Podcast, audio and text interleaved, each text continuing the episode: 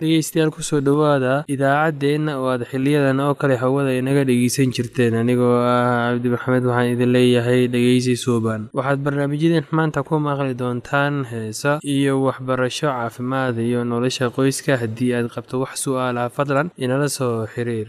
Ciwaankeenna waa radio somaly at yahu dt com. Mar labaad ciwaankeenna waa radio somaly at yahu dt com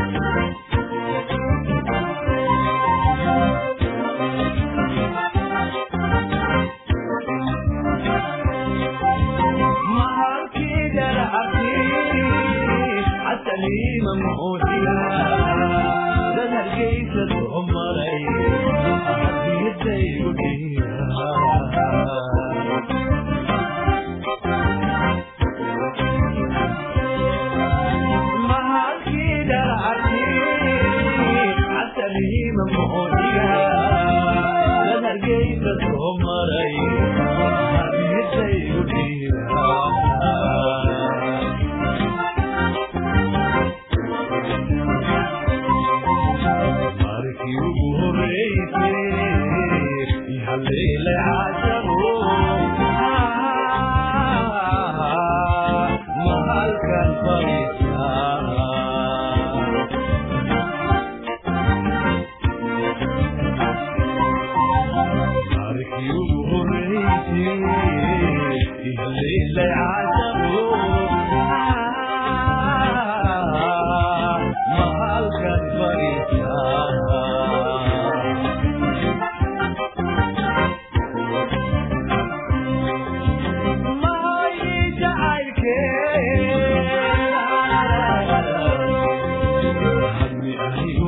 بالذنوب حول بجوع بالعاهد بليل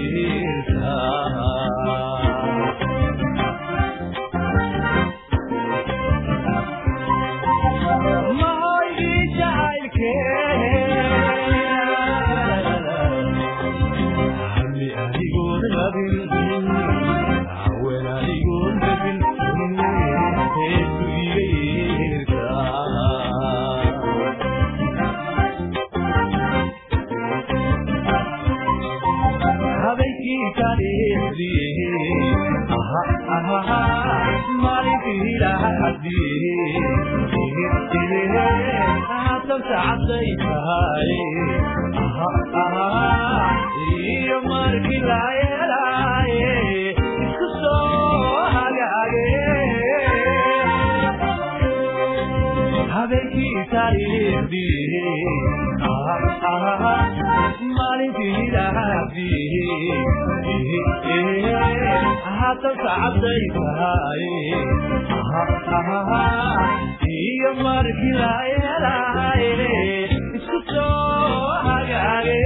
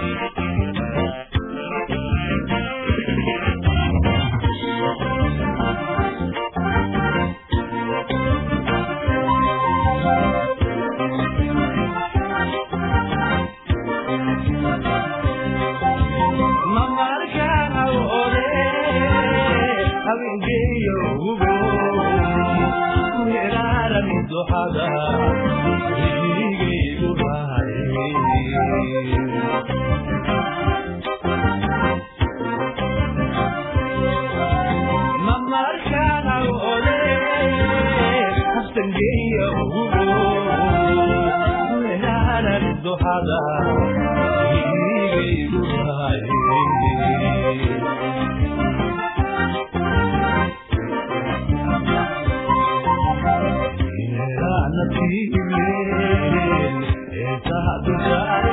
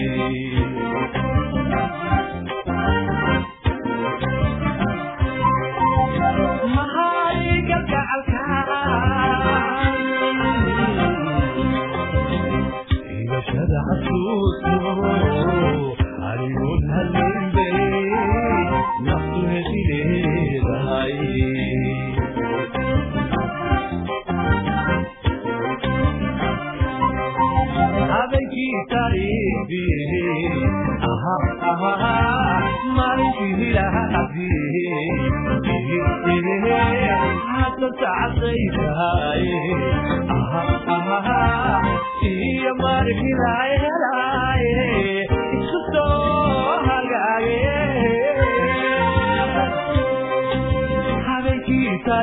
habeenkiisalisdiye maalintii dhaadiye hasasacabday tahay iyo markilahelaaye isku soo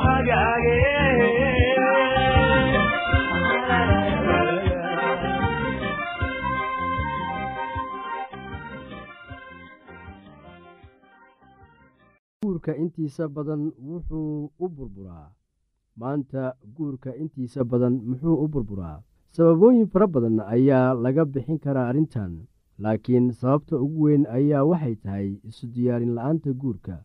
Labada da-yar oo isguursatay ayaa gabadhii waxay u carootay reerkooda iyaga oo aan xitaa hal sano oo buuxo aan isqabin muddo haddeer laga joogo dhowr bilood sahra iyada oo aad quruxdeeda la yaabto ayaa waxay guursatay cabdi.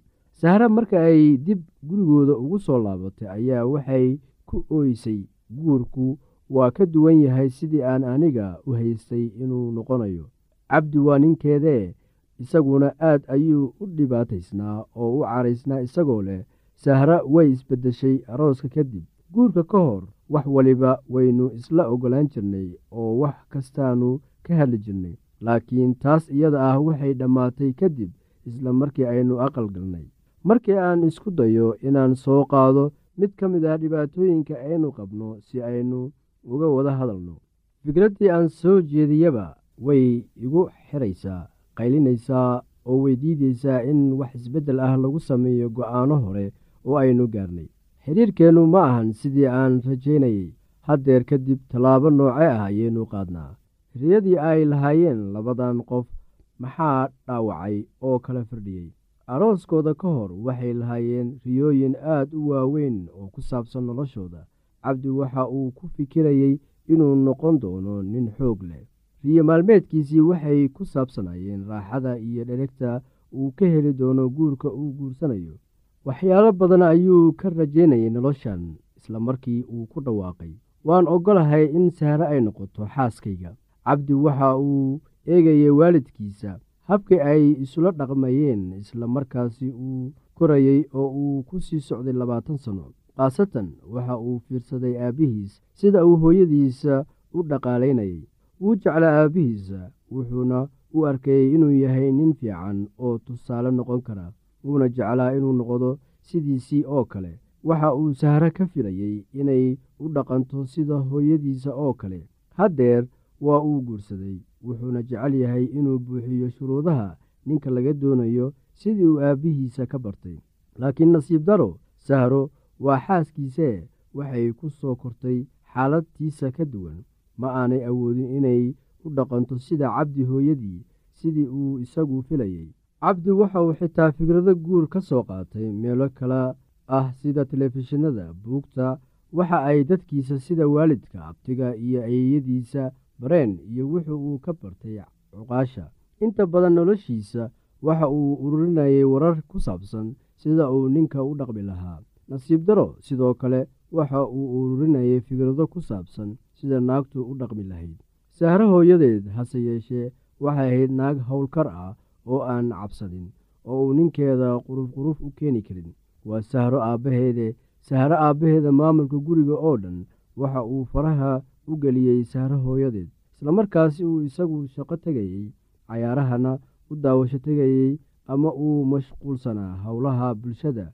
Haddeer maadaama ay guri leedahay way garanaysay wixii naag wanaagsan samayn lahayd iyo wixii laga doonayey ama laga filayay iyada. Ka hor intii aanay guursan wax shaki ah kama uusan jirin inay leedahay awoodda ay ku noqonayso boqorada guriga. Waxay awooddeeda muujinaysay mar alle markii la soo baahdo haddeer markii ay fursaddii timid arrintii meel ayay iska noqotay. Cabdi waxa uu diiday inuu qaybtiisa cayaaro sidii nin wanaagsan laga filayay. Tanina waxay rabsho u keentay sahro waxay ku ooyeysay sida tan wax walba oo aan isku dayo inaan sameeyo waxa ay ka xanaajinayaan cabdi. Madaxa ayuu ii taagayaa oo wuxuu doonayaa inuu i xukumo. Intii aanan isguursan sida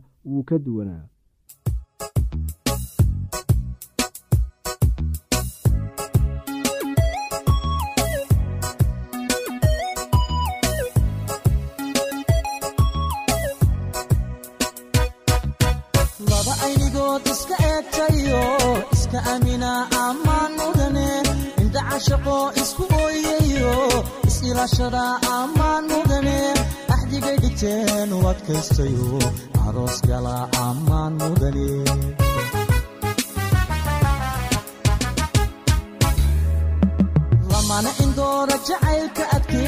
kalsooni abuura ammaan mudane ahay nasiibku intuu u ekaade aroos gala ammaan mudane ubaxu dhino iscaashaqayba allaylehe ammaan mudane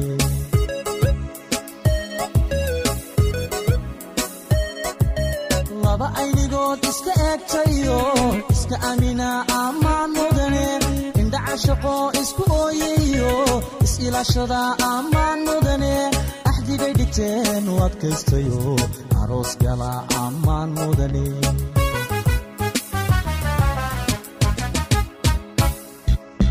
lamana indoora jacaylka adkeeyey. Kalsooni abuura ammaan mudane ahay nasiibku intuu u ekaade aroos gala ammaan mudane ubax ordino iscaashaqayba allaylehe ammaan mudane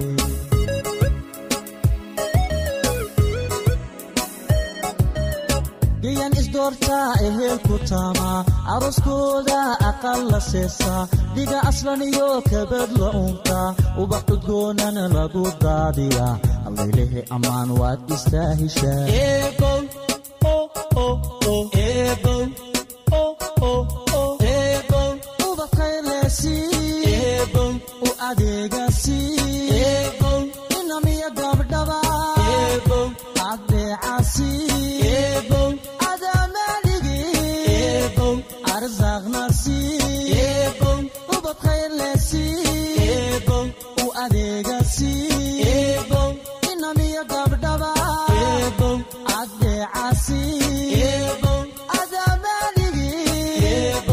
arsaaqnasi umalkiyo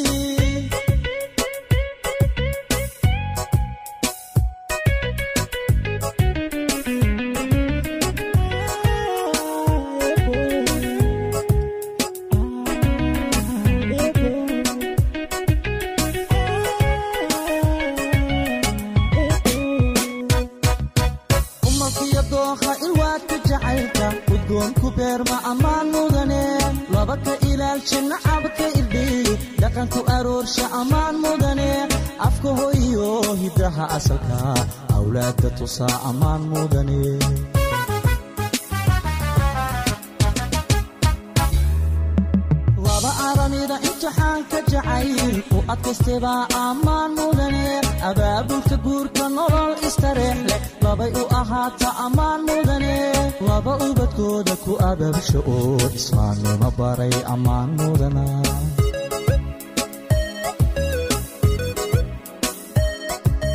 Malkiyo dookha ilwaadka jacaylka udgoonku beerma ammaan mudane. Laba ka ilaalsha nacabka irdheey dhaqanku aroorsha ammaan mudane. Afka hoyo hiddaha asalka awlaadda tusaa ammaan mudane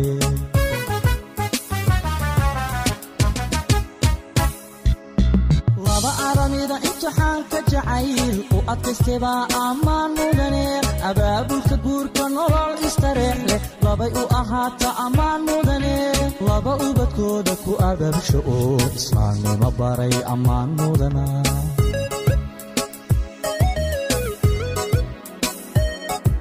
bal eega eega eega ubaxani bal eega bal eega eega eega abkoo ila eega bal eega eega eega ambaqaadka jacay.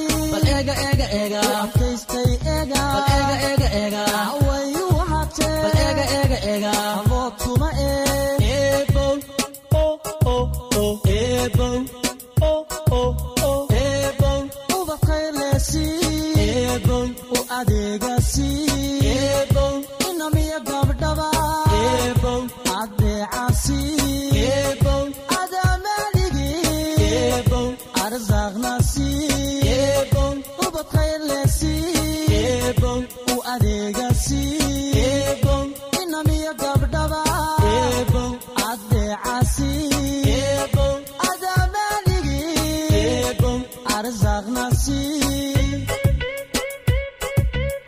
ebow ebow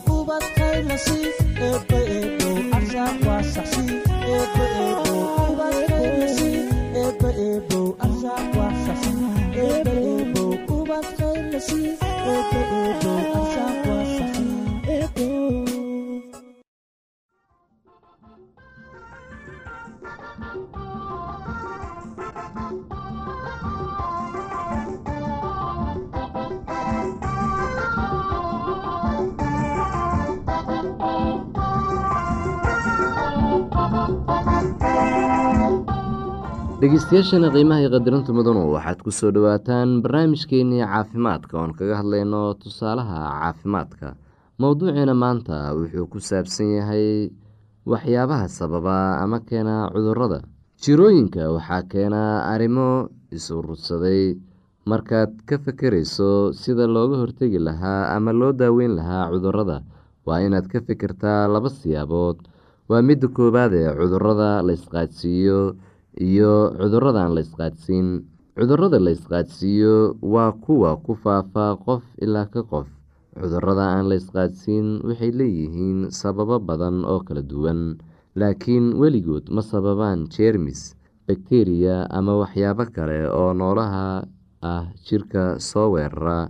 Waxaa waajib ah in la aqoonsado daawada antibiyootikada ah ha u qaadanin cudurrada aan la isqaadsiin antibiyootig tusaale ahaan cudurrada aan la isqaadsiin mushkuladda cudurka waxay ka timaadaa shaygaasoo wax jirka ka dhammaaday ama ka xumaaday.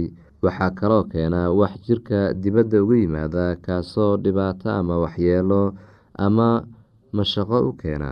Waxaa kaloo keena wax jirku u baahan yahay oo uu waayo iyo kuwa lala dhasho. Cudurada la isqaadsiiyo cudurrada la isqaadsiiyo waxaa u sababa bakteriya iyo waxyaalo kale kuwaasoo waxyeela jirka. Jidad badan ayay ku faafaan. Bakteriyadu waa wax ilimo aragto ah aad bay u yar tahay. Ma arki kartid ilaa weyneyso aad ku eegto mooye. Waxaynu weyneysadu waa qalab waxaa ilimo aragtada ah weyneeya fayraska waa ka yaryahay bakteriyada hana ku daaweynin fayraska antibiyootikada. Si loo ogaado baahida qofka buko marka hore waa inaad weydiisaa su'aalo muhiim ah kadibna aada baartaa had iyo jeer qofka ku baar meel ilays fiican leh. Waxaa jira waxyaabo aasaasi ah in la weydiiyo lagana eego qof kasta oo buka kuwani waxay isugu jiraan waxyaabo qofka bukaa uu dareemayo. Sidoo kale waxyaabaha aad ku aragto inta aad baarayso ka bilow xanuunka haya qofka inaad weydiiso.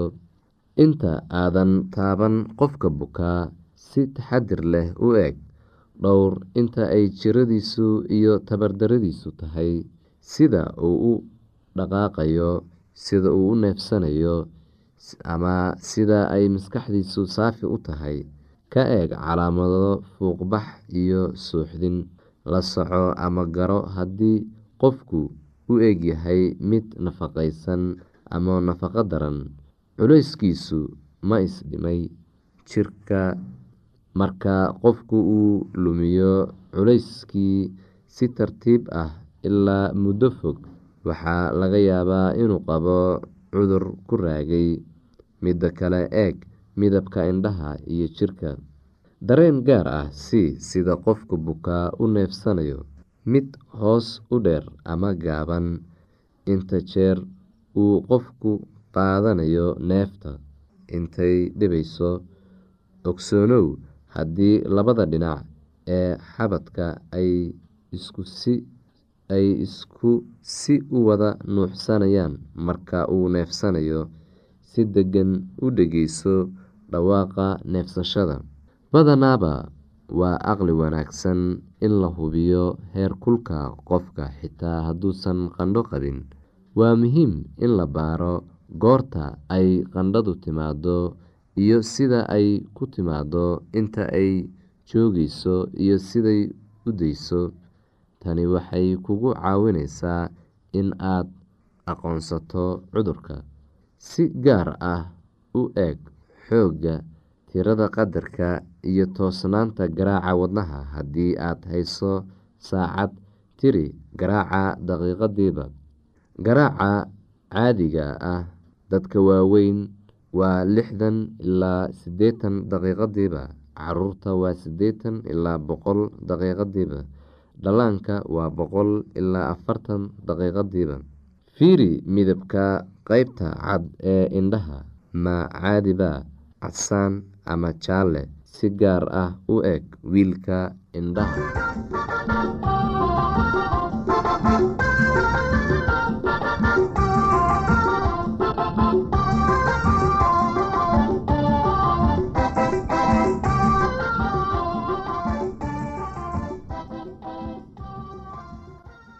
haddii aad qabto wax su'aalaha fadlan inala soo xiriir. ciwaankeenna waa radio somaly at yahu t com. mar labaad ciwaankeenna waa radio somaly at yahu dt com. Barnaamijyadeena maanta waa naga intaas